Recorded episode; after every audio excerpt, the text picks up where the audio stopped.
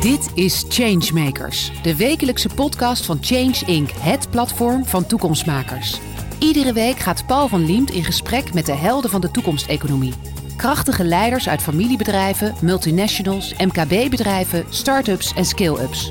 Die kleur bekennen, richting geven en tempo maken. Vernieuwers voor wie verandering geen agendapunt is, maar een business case. Want morgen wordt vandaag bedacht. Alice Kreekt is directeur van het klimaatprogramma van ondernemersvereniging Delta Links. Ze bevindt zich op een sleutelpositie om de energietransitie in de Rotterdamse haven verder te brengen. En dat doet ze door bedrijven te motiveren met concrete projecten te verduurzamen. Welkom Alice. Dankjewel, Paul. Ja, we gaan beginnen met de vraag die ik altijd stel. Dat is belangrijk. Hè? Duurzame nieuws. Want jij volgt het allemaal natuurlijk op de voet. En wat is jou het meest opgevallen afgelopen tijd? Nou, als ik mag zeggen, afgelopen tijd was ik dus heel blij met uh, de aanzet tot de hoofdlijnen van een uh, kabinetsakkoord. Die er dan toch eindelijk aan zit te komen. En waar... Aanzetten tot hoofdlijnen. Ja, ik vind het wel nog namelijk ja. niet helemaal. Maar goed, ik word er wel blij van omdat de groene industriepolitiek wordt genoemd. En ik denk dat er een enorme sleutel ligt te wachten bij de politiek om uh, de versnelling in te gaan zetten. En uh, daarom was ik blij van dat, uh, van dat nieuws. Dus ik hoop dat het kabinet, het nieuwe kabinet erop voort gaat bouwen. Ja, dat kan niet anders natuurlijk. Het zou toch heel gek zijn ook als ze dat niet doen. Maar het is voor het eerst dat het wel prominent een van de toponderwerpen is ook. Hè? Een van de echte prioriteiten, dat is waar. Met ondermijning en nog een paar, maar deze staat heel hoog. Ja, zeker. Want we hadden natuurlijk een beetje de terugtrekkende overheid. Maar je ziet dus dat op klimaat, bijvoorbeeld in Duitsland of in uh, andere landen, zelfs in Amerika, bepaalde staten, zijn veel voortvarender. Zetten ze klimaatbeleid in en dan ook uh, gebruiken ze de industriepolitiek als een sleutel daarin. En bij de industrie zit natuurlijk ook een grote sleutel of een grote uitstoot, maar ook een grote kans. Ja. Ik dacht het al. Nee, ik denk, jij gaat een heel groot verhaal over de overheid en beter heb je niet. Maar dat nee. kan bijna niet, hè? Ondernemersvereniging Delta Links. Ja. Kun je iets vertellen over, over de achtergrond van Delta Links? Ja, Delta Links is uh, de ondernemersvereniging in de Rotterdamse haven en industrie. Dus ook uh, bedrijven als ECT, de containeroverslag zijn bij ons uh, aan ons ja. verbonden. Um, eigenlijk 95% van de bedrijven. En wij zijn een soort, uh, uh, ja, mag ik het zeggen, AWB, die ook gewoon diensten verleent. Dus wij zeggen verbeter de wereld. Hè. Wij hebben daar een mening over, wat er anders moet. Maar wij zeggen ook begin bij jezelf. Dus wij richten ook uh, bepaalde zaken op. We pakken dingen op die tussen bedrijven invallen. En een hele belangrijke is het klimaat. Het klimaat is natuurlijk iets wat we niet de bedrijven apart alleen op kunnen lossen. Maar waar we ze elkaar bij nodig hebben. Maar ook de overheid. Uh, dus daar uh, uh, hebben wij dan een hele belangrijke rol in. Hebben we het ja. programma voor opgericht. Nee, ik begrijp het een beetje. Het lijkt me een helse klus ook. Een hele interessante, uitdagende klus. Om dat clichéwoord een beetje te gebruiken. Maar ook hels. Het is niet zo makkelijk. Gaan we het zo meteen over hebben. Dan heeft het met leidinggeven te maken. Maar je zegt ja, een soort ANWB. Mag ik het zeggen? Schaam je een beetje voor dan? Of niet voor de ANWB? Nou ja, we verkopen geen trainingsjassen. nee. En, uh, en geven geen korting nee. op, op kaarten of zo. Dus uh, nee. we, we, we, ja, goed. We zijn natuurlijk een ondernemersvereniging van een cluster wat een wereldformaat is. Wat hoofdkantoren over de hele wereld heeft. Waar, nou ja, als er dus mensen hebben daar persoonlijk last van gehad dat er een schip vast ligt wat eigenlijk naar Rotterdam moet. Ja. Hè? Dus, in het, ja, dus vandaar, vandaar denk ik van het, we zijn groots. Nou, het is goed om dat ook eens te benadrukken. Hè? Want dan denken mensen, oh, dat is gewoon een PR-verhaal. Het, is gewoon, zijn gewoon de harde feiten. Heel groot namelijk. Dat betekent ook op klimaatgebied, als je wat tot stand brengt, dan breng je ook heel veel tot stand. Dan zou je iets in cijfers kunnen uitdrukken. Stel dat je het lukt, CO2-neutraal, uh, alles waar, waar, je eigenlijk naar wil streven. Als dat lukt, welk deel van Nederland uh, heb je dan te pakken?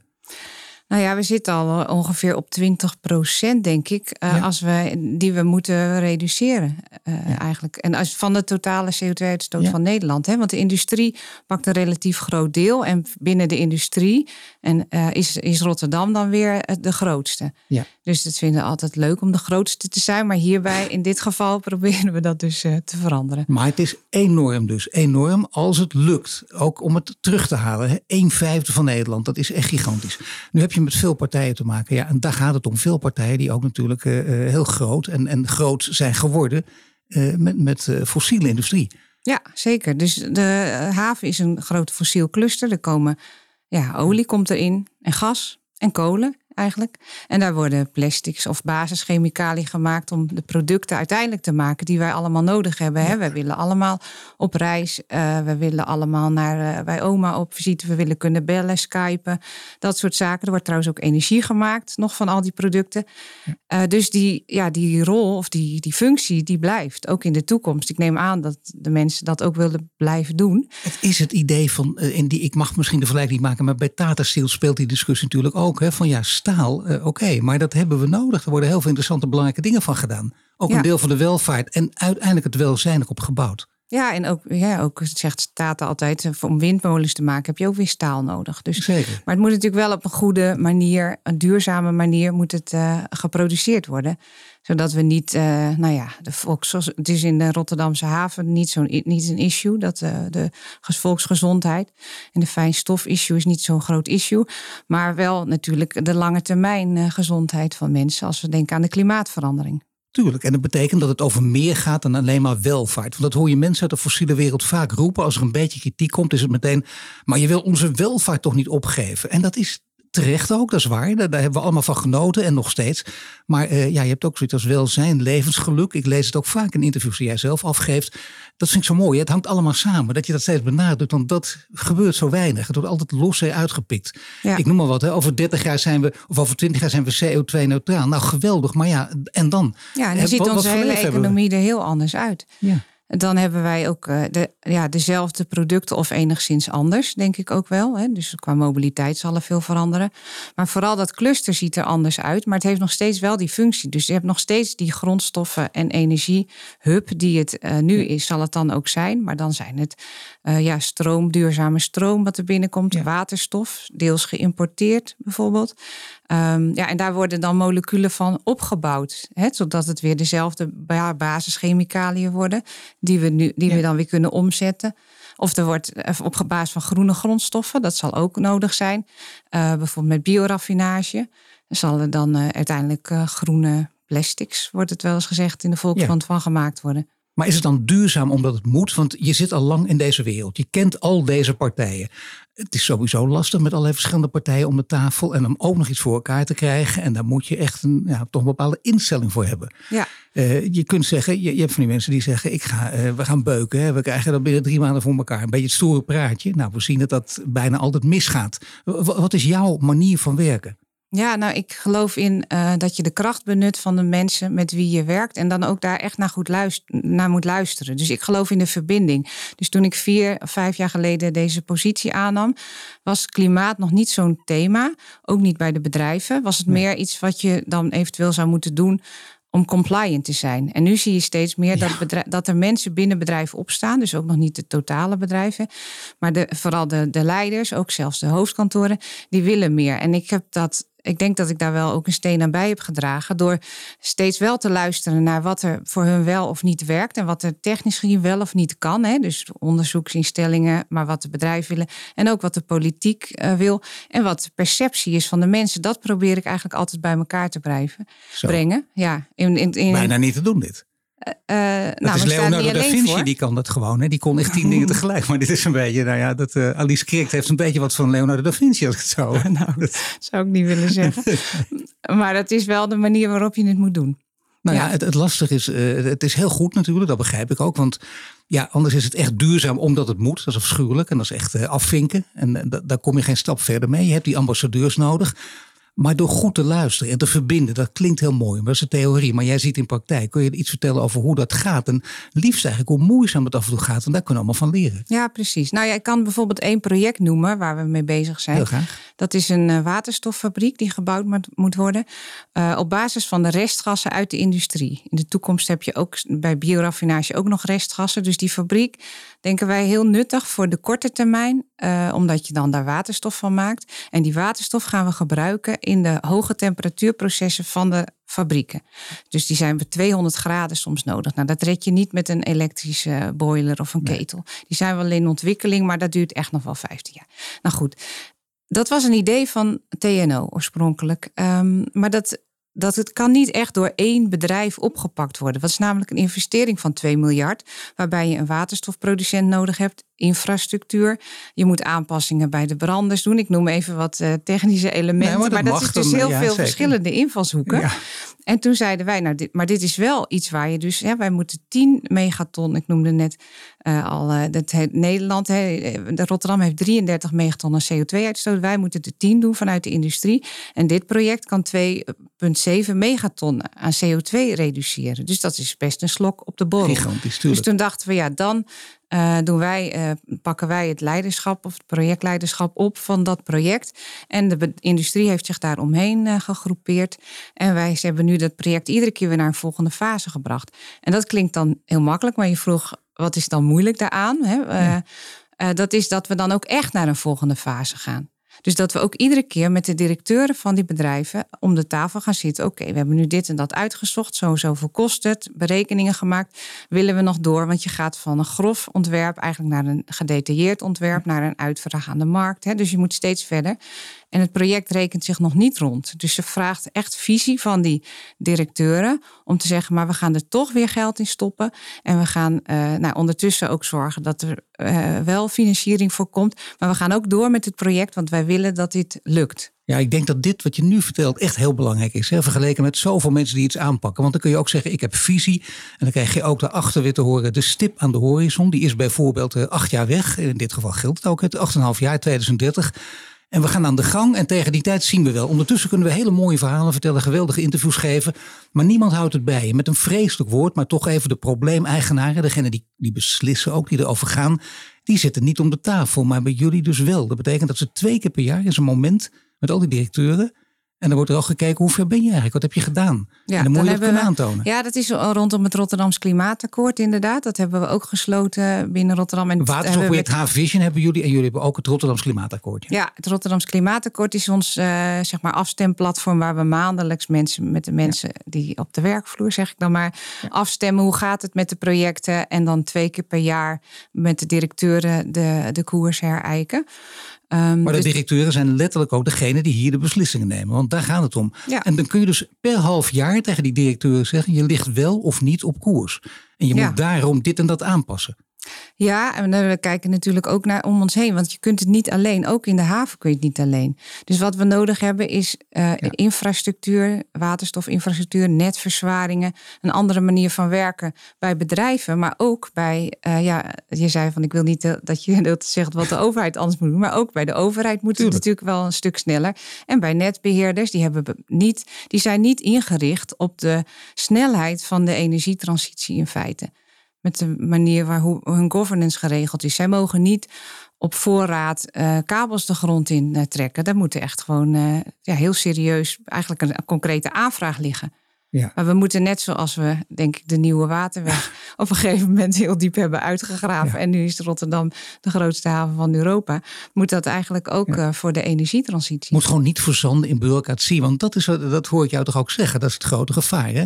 Ze zijn er niet op ingesteld, dat snap ik trouwens ook. Het is ook een hele andere manier van denken en werken, daar gaat het ook niet om. Maar, maar ik zou het niet bureaucratie willen noemen. Oh. Kijk, er zijn natuurlijk mensen. Nou, ik wel. Eh, er zijn ook mensen in bedrijven die hebben gewoon een taak en een rol om een bepaalde manier zo te werken. En die worden ook zo aangestuurd. En er zijn andere mensen die denken wat vrijer. Die denken, ja, maar wat als het nou wel kan? En bij die mensen zoek ik dan altijd aansluiting. En ik hoop dat die mensen ook uh, samen met de leiders van de organisaties uh, anderen inspireren om, om, het, om het anders te doen. Dat kan namelijk al binnen de lijntjes van nu. He, want we hadden, um, ik zei net het Rotterdams Klimaatakkoord. We hebben een van de hebben we deals gesloten, verschillende deals. En een van de deals was een versnellingshuis. En dat is een manier om binnen hoe het nu gaat, uh, projecten toch sneller verder te helpen. Dus daar zit ik iedere maand uh, met de omgevingsdienst, de provincie, het havenbedrijf. Dan kan de hele rij wel opnemen. Ook RVO, die uh, subsidies verstrekt bij elkaar. En dan kunnen bedrijven komen pitchen. En dat is, een, is eigenlijk een procesinterventie. Denk je, nou ja, ga je daar nou de oorlog mee winnen? Maar het zijn toch weer die een van die kleine stappen die je moet zetten om de boel te versnellen. Want ze horen dan met elkaar tegelijk hoe dit project uh, loopt en wat daar de problemen van zijn. Ze zoeken tegelijk naar oplossingen. Dat geeft soms ook helderheid van jongens, er zijn even voor dit probleem, nog geen oplossing. Of ze gaan ermee aan de slag en er komt huiswerk uit. En dat bedrijf is daar dan toch mee geholpen. En dat allemaal vanwege dat versnellingshuis. Geweldige naam ook natuurlijk. Heb, jij, die, heb jij die bedacht of niet? ik denk het wel, hè? Ik, ik vond dat, ja, iemand zei moet een anti-vertragingshuis komen. En zeiden we, laat het maar een versnellingshuis noemen. Nee, dat, is toch wat inspirerender. Dat klinkt wel iets beter, ja. Maar het is wel mooi dat je steeds zegt kleine stappen en dan. Omdat dat inderdaad makkelijke kritiek is. Misschien ook al vanuit de media. Ik zou hem ook makkelijk, ja, maar kleine stapjes, weet je. Terwijl het, het kan gewoon niet anders of wel. Want dat, jij staat midden in die praktijk. Je ziet het met al die partijen op een hele belangrijke plek ook in Nederland. Internationale plek ook. Waar je heel veel voor elkaar kunt krijgen. Stel dat je dat wel doet, hè, want er zijn altijd meerdere scenario's. Je hebt altijd mensen, laten we zeggen, de grote bek. En die geeft één interview. We lopen er toch even achteraan. Er zit emotie op. En die zegt, dit kan binnen een half jaar. Wat is het nadeel van die te grote stappen? Ook al wil je de energie, uh, energietransitie versnellen. Nou ja, ik denk dat je, je moet beide doen. Hè? Dus je hebt uh, de, in ieder geval moet vergezichten hebben. Van daar willen we naartoe, naar een circulaire economie. Maar dat is zo groot. Dat, dat moet je opknippen. En je moet ook naar tussenoplossingen. Hè? Dus dat je daarom, er wordt heel veel kritiek is op CO2-opslag. Maar dat is in Rotterdam echt nodig. Uh, en daar kan je ook heel snel hele grote hoeveelheden uh, CO2 mee reduceren. En dan ook nog voor een relatief lage prijs. Eh, zodat uh, ook de huiseigenaren iets meer lucht krijgen om wat later hun huizen aan te passen. Hè? Uh, bijvoorbeeld daarop. Of dat het aardgas eraf, dat, dat, daar heb je dan, zou je iets meer lucht mee kopen. Nou ja, daar heb je natuurlijk, laten zeggen, de, daar heb je misschien toch donkergroene partijen die daar dan heel erg de hak in het zand steken. En die zeggen, wacht eens eventjes, het gaat wel over, over CO2-opvang uh, op, uh, afvang, opslag, dat is niet duurzaam genoeg. Nee, dat uiteindelijk ook niet. Nee, zeker. Uiteindelijk gaan we daar, want dan wil ook geen bedrijf voor betalen eigenlijk om hun afval af te voeren. Zo meer mogelijk natuurlijk. En dit wordt dan gezien als een afvalproduct waar je dan voor moet betalen om het op te slaan. Ja. Dus dat, dat is voor iedereen een tijdelijke oplossing. Maar er zijn voor bepaalde installaties gewoon geen alternatieven. Dus, en dan kan je beter dit maar doen. Nou ja, daarnaast heeft het ook te maken, dat vond ik ook een goeie, dat je zegt, het heeft toch met die huiseigenaren te maken. Die maken niet helemaal gek. Want als je elke keer in je nek wordt geheigd, het moet sneller, begrijpelijk, het moet sneller. Er zijn steeds meer mensen van over eens. Er zijn wetenschappelijke bewijzen nu voor. Maar toch, hè, eh, als je dat steeds hoort, word je ook een beetje gek. We moeten iedere keer volgens mij voor de, uh, de meest kosteneffectieve, maar wel impactvolle oplossing kiezen die ook wel op koers ligt. Hè? Dus je moet niet daardoor niet uh, lock-ins of dingen uitsluiten, zoals dat dan heet. Ehm, ja, dat is denk ik waar we voor staan. Daar is wel ook regie van de overheid voor nodig om daar de marsroute, denk ik, te bepalen. Nou, daar heb je het weer. Daar heb je het weer. Je hebt al die partijen bij elkaar nodig. Ook de overheid. Dat is heel mooi toch vanuit een ondernemersvereniging. Omdat dan ook steeds te benadrukken. De kennisinstellingen. Eh, alles bij elkaar. Welke partij heeft hier het meeste moeite mee om deze stappen te zetten? Met andere woorden, welke partij moet echt met heel veel kracht overtuigd worden? Um, ja, het, het, zit eerder nog op de personen, denk ik. Of verschillende personen. Uh, types, persoontypes, denk ik. Ja, toch? Ja, ja, want het zit binnen iedere organisatie zitten gewoon echt mensen die willen veranderen. Ja, ik vind wel, ja. Ik vind eigenlijk, dus als je kijkt naar vier jaar geleden, toen was het hele grote kampen waren er. En je merkt nu dat als er de mensen die wat goed ingevoerd zijn in de, in de klimaatproblemen en ook de oplossingen, is er een vrij eenduidig beeld. Uh, het gaat er nog wel over hoe snel kan het en wie moet wat betalen. Hè, maar dat is natuurlijk fine-tunen. En dan wordt er ook altijd wel een beetje naar elkaar gewezen. Van de overheid moet sneller, nee, de bedrijven moeten meer investeren. Ja, maar dat houdt juist vaak zo tegen. Dat is de oude truc. Constant hakerwijs. Ja. Dat gebeurt altijd. Ja, maar in andere landen. Ja, maar die ook. En dan krijg je toch weer een beetje het schoolplein. Hè? Ja, maar Pietje heeft twee stompen gegeven. Ik maar één. Weet je, dan krijg je dat niveau. Ja, Nee, maar ik heb me ook heel lang in mijn jeugd weten te redden met dat soort verhalen. Maar goed, je, dit gaat over iets serieus. Hè? Dus dan denk je, hoe, hoe kun je daar iets aan doen? Daar hebben we gewoon allemaal geen tijd meer voor. nee. nee, ja, dus we moeten niet meer zeggen van, oh, het kan toch nog beter of nog anders. Of we kunnen alleen maar groene waterstof. Of we kunnen alleen maar alles elektrificeren. Of we hebben alleen maar vrachtwagens op, weet ik het, biobrandstof. Nee, alles moet eigenlijk. Alles moeten we inzetten. We hebben nu natuurlijk ook meerdere uh, brandstoffen bij de tank die je voor in je auto kan gooien. Het is afhankelijk van wat voor auto je hebt natuurlijk. Wat voor auto heb jij? Eh, een elektrische. Oh, ja. toch? Ja, even voor de zekerheid. Ja, natuurlijk. En ik denk dat dat ook de toekomst is. Het rijdt ook heerlijk. Dus ik kan het iedereen aanraden. Maar goed, iedereen moet hier aan meedoen. Het is het hele verhaal. Ik snap het ook. Je moet niet in die containerbegrippen blijven hangen. Vandaar dat je ook met hele concrete projecten bezig bent. En je zegt, dat is wel interessant, dat, dat die fout wordt vaak gemaakt. Dat heb ik ook vaak hoor. Dat ik het zit toch uiteindelijk in die organisatie. Tuurlijk maakt het uit wie er zit, maar mensen zijn toch min of meer inwisselbaar. En jij denkt dat dat niet zo is. Hè? Het gaat dus echt om, om personen. En die moet je ook zien te doorgronden. En dan moet je dus ook, daar stop je ook tijd en, en relatie in. Omdat we het systeem nog aan het veranderen zijn. Dus de, als je werkt zoals je werkte, en dat doen heel veel mensen dan krijg je ook wat je kreeg en dan blijft alles zoals het is. Dus we hebben de veranderaars nodig, die dus wel die stappen durven te zetten. Dus dat is nu nog. Maar daarom zeg, hamer ik toch nog op die regie van de overheid. Het systeem moet ook anders. Dus de omhullende wetgeving, de infrastructuur. En dat is wel een maatschappelijk issue. Waar maar wat, ook... weerhoudt, wat weerhoudt de overheid dan nu? Dat is, nou, waar, waar moment, zijn ze bang voor? Op het moment, eh, wat, ja nou, al die meningen denk ik. Een paar jaar geleden vooral al die meningen die er maar waren. En eh, dat je dan toch toch denkt als overheid, lijkt me ook heel lastig. Van ja, misschien dat het helemaal niet waar is. Dat helemaal niet waterstof de heilige graal is voor hè, eh, als, om te importeren. Of iets dergelijks om op te gaan rijden. Dat, dan, dat bleef een beetje in hangen, vond ik.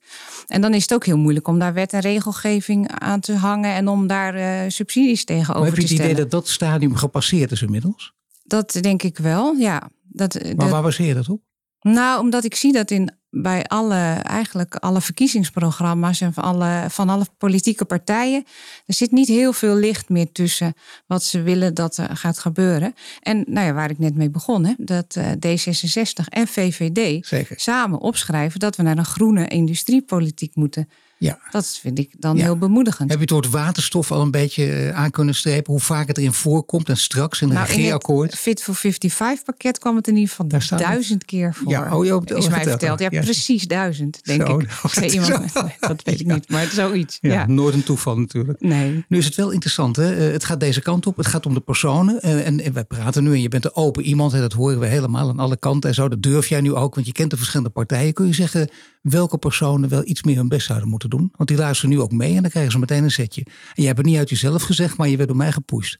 Ik werd door jou gepusht. Oké, nou als ik door jou gepusht werd, dan kijk ik toch, uh, even kijken hoor, naar de, ik kijk toch wel naar de politiek in Den Haag. En ik vind dat minister echt uh, een soort delta-commissaris moet, uh, in het leven moet roepen. En dan over alle ministeries heen zeggen: jongens, en zo gaat Nederland eruit zien. Dit is de stap die we doen. En net als dat delta-programma, iedere keer een soort ja, her, jaarlijks herijken van zijn we nog wel op koers. Hè? Dat heette toen adaptief delta-management. Zoiets zou je eigenlijk ook voor. Ja, het zijn van die lelijke ambtenaren worden. Maar dat werkte dus wel. Want dan keek je ook van: nou, zijn we nog op koers of hebben we nieuwe inzichten? En dat moet je natuurlijk wel blijven doen. Want je moet wel blijven nadenken. Niet nu als een uh, dolle. Uh, precies wat we twee jaar geleden in het klimaatakkoord hebben opgeschreven uitvoeren. Maar je moet wel blijven nadenken of je nog nieuwe inzichten Maar die Delta-commissaris, dat is een hele belangrijke. Daar gaat het om en zo. Die heb je van harte nodig. En dat willen ondernemers toch ook. Die kunnen dan vooruitkijken, weten waar ze aan toe zijn. En dan, jouw indruk is, dan gaan ze ook allemaal mee. Ja, ik denk dat dat enorm scheelt, ja. Maar vertel me even, je hebt al eentje en nog, en nog één poes komt ook echt door mij. Maar wie in, wie in Rotterdam, wie heeft er ook nog even een klein trapje nodig? Een klein zetje, laat ik dat zeggen. Want begrijpelijk allemaal, we snappen dat ook. Er staat veel op het spel. Het is makkelijk gevraagd voor mij, want de, mij kost het niks. Maar degene die echt ook over de centen gaan, die grote beslissingen moeten nemen. Van wie denk je nou, die moet nog even een kleine zet krijgen? Ja, ik vind dat, dat vind ik echt een vraag die ik niet kan beantwoorden. Omdat er echt gewoon geen enkel persoon in mijn hoofd boven komt nu. Zo, ze zijn denk een hele makkelijke klus die jij nu hebt. Nee, ik denk namelijk dat we allemaal wel wat harder kunnen. Oh. Vind je dat vervelend als ik dat zeg? Nee, dat vind ik juist verrassend en, geweldig ook. Dus dat, ja, dat is heel belangrijk. Want ik ben heel positief over wat er al gebeurt en het plan wat er ligt en de stappen die gezet worden. Maar we moeten wel echt geïnvesteerd gaan worden. En er moeten ook echt wetten aangepast worden. Dus het alle, op ieder voor zijn, zijn eigen. Maar dit hangt toch niet alleen van die Delta-commissaris of? Jij spreekt voortdurend met ze. Je hebt die directeuren in zo'n. Je hebt, je hebt een paar echt concrete projecten. Ze zitten om de tafel. Ze betalen mee. Ze weten wat, om met Rutte te spreken, wat haalbaar en betaalbaar is. Ze zien welke kant het op gaat. Het is niet terug te dringen. Ze hebben het IPCC-rapport gelezen, noem maar op. Waarom gaat het dan toch juist nu op dit moment zo moeizaam? Nou, op dit moment is het toch wel echt uh, de impasse waarin we zitten. Dat je niet weet of in Nederland. Kijk, we hebben in Rotterdam eh, bijvoorbeeld een, een kolencentrale geopend. Uh, hè, dat was geen goede set achteraf. Maar goed, het was wel op verzoek van de overheid. Met instemming bedrijven hebben erin geïnvesteerd. Twee jaar later moest die dicht. dus, dat, dus ook al wil je, willen bedrijven, dat is ook wel even belangrijk dat je zeker weet dat dat dan ook gesteund wordt. Er wordt vandaag uh, in, uh, bij, door Shell een bioraffinaderij ook geopend. Dus die nemen wel dat risico. Dus je ziet steeds meer bedrijven investeren wel. Maar het is wel aarzelender dan dat je, uh, dat je volledige steun Maar Alice, je zegt zelf ook, hè, lef is ook nodig. Nou, dat zie je hier. Dat, heb je, dat, dat is ook zo. Zeker geen zigzaggende overheid. Dat is denk ik heel belangrijk. Dat, dat punt is heel goed om te maken. Heel belangrijk zelfs. Maar ja, dat lef is ook nodig. Het lef is zeker nodig. En het lef is toch wel aanwezig. Iedereen moet nog een klein beetje lef meer krijgen vind en ik ontwikkelen. Wel. Ja, ja. Ook heel nee, dat, dus. dat heb je me niet in de mond gelegd, want ik vind dat ook echt. Dat doe ik nooit. Nee, Nee. dat zou niet mogen, natuurlijk niet. Ik, ik eh, heb nog een andere, een hele belangrijke, namelijk onze community. Die hebben altijd de beste vraag ook. Hè. Die ga ik even aan jou stellen. De, de vraag luidt: Is windenergie de beste manier om duurzame stroom op te wekken, of zijn er betere alternatieven? Nou goed, in, we hebben, er is heel veel groene stroom nodig en veel meer dan we nu hebben. Dus de windenergie sowieso. Maar daarmee redden we het niet alleen. Dus het is net als weer met al die andere oplossingen. Um, je hebt meerdere nodig. Je hebt elektrificatie nodig en dan heb je nodig groene stroom, misschien ook wel kernenergie. Um, die zou in ieder geval zelf persoonlijk geen kernenergie, uh, kerncentrales sluiten op dit moment. Want het is toch een hele schone manier nee, van maar wel, wel, wel, goed dat je dit even zegt van die, van die kernenergie. Want dat begint dus ook uh, op te komen nu de discussie. Hè? Ook in groepen waar je het niet zou verwachten. Ook, ook uh, bepaalde groepen die, die volledig op een kernenergie afwezen. Denken nou dat zou nog wel eens kunnen helpen. En wijzen ook naar Frankrijk bijvoorbeeld. Ja. Jij behoort ook tot de voorstanders. Heb je de indruk nee, dat... Nou, nee? nee, niet de voorstander. Kijk, voor 2030 uh, redden we dat toch niet, een kerncentrale open. Dus ik vind het goed dat er over nagedacht wordt en gekeken wordt... hoe ziet uiteindelijk onze energiemix eruit? Maar je kan ook nog aan andere dingen denken. Bijvoorbeeld waterstof importeren. Hè? Van ja. de zonnepanelen in de Sahara. Waterstof uh, maken van water. En dan dat uh, naar Rotterdam vervoeren. En dan omzetten weer als, naar energie. Ja. Dat kan op allerlei manieren kan je dat doen. Dus dit zon, wind. maar goed, ik sluit dus ook zeker geen kernenergie uit. Um, ja, misschien zelfs wel nog een uh, die waterstoffabriek die wij hebben, die zal in de toekomst misschien ook een rol hebben voor de balancering van het net. Want stel dat je genoeg hebt, dan heb je weer de donkerflauten. Ik weet niet of je dat woord kent, maar nou, het is een Duits woord. Uit, ja. dat is, dan waait het niet en dan is er geen zon. Mooi, nog één keer dat woord. Donkerflauten. Ja, geweldig. Ik vergeet het nooit meer. Heerlijk woord, hè? ja. ja. ik vind het ook heel mooi. En dat is in Duitsland uh, niet voor niks ontstaan, want daar hebben ze dat, die periodes al gehad. Ja. Dat ze gewoon met of overschotten zaten of weer met tekorten. Dus dan moeten we weer aan buffering denken. Ja.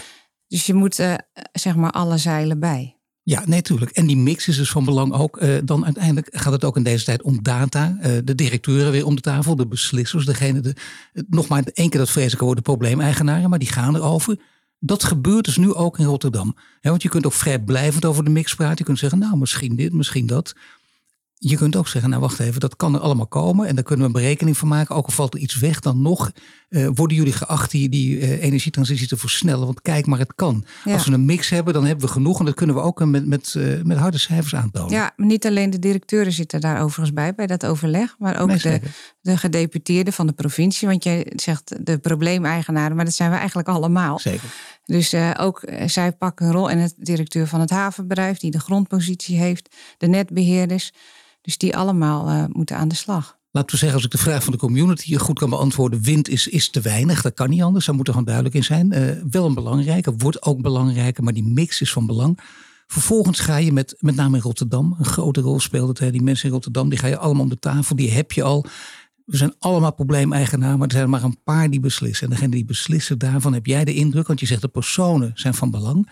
Heb jij de indruk dat die personen wel allemaal min of meer in dezelfde richting denken? Dus dat 2030, dat doel, met constant tussentijdse aanpassingen en voortdurend met elkaar aan de tafel, afrekenen ook op een goede manier, mm -hmm. dat ga je wel halen, dat doel. Op dit moment nog niet. Want ik, ik vind dat het nu nog te langzaam gaat. Ja. Wat moet er nu precies gebeuren? Wat zou je, stel dat jij nu even kort aan die script is dictator.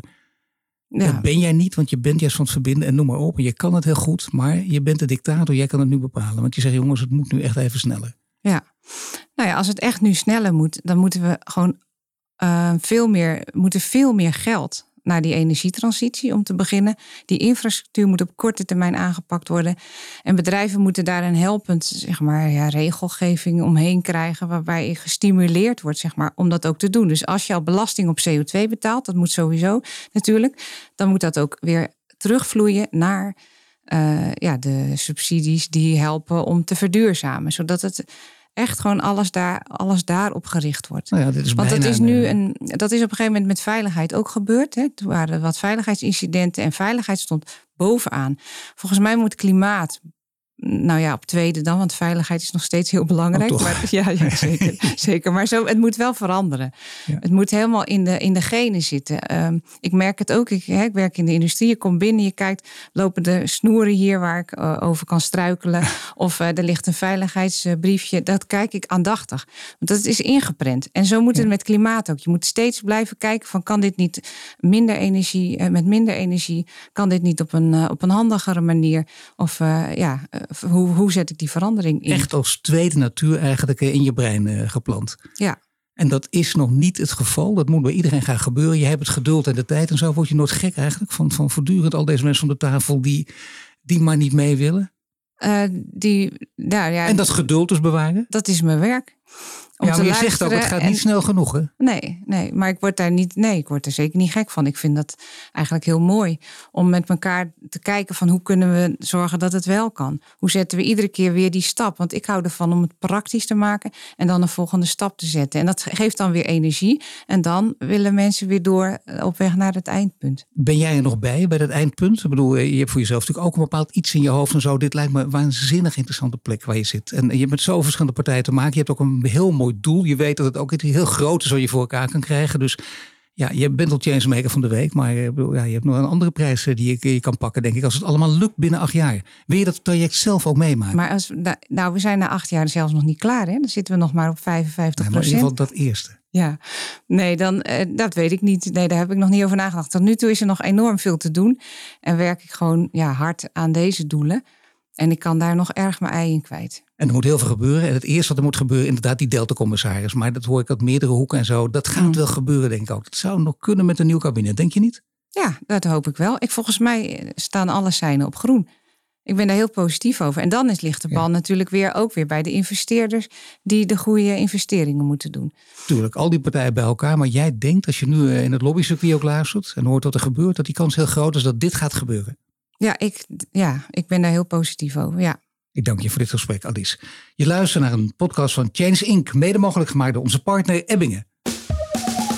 Bedankt voor het luisteren naar de Changemakers podcast. Een productie van Change Inc., gepresenteerd door Paul van Liemt. Wil je dat meer mensen geïnspireerd worden? Deel de podcast dan op sociale media. De Changemakers podcast is tot stand gekomen in samenwerking met onze partner Ebbingen. Ebbingen kent, verbindt en ontwikkelt de leiders van de toekomst. Wil je meer afleveringen luisteren? Abonneer je dan nu via je Spotify, Apple Podcast of je favoriete podcast-app en krijg een melding wanneer er een nieuwe aflevering online staat.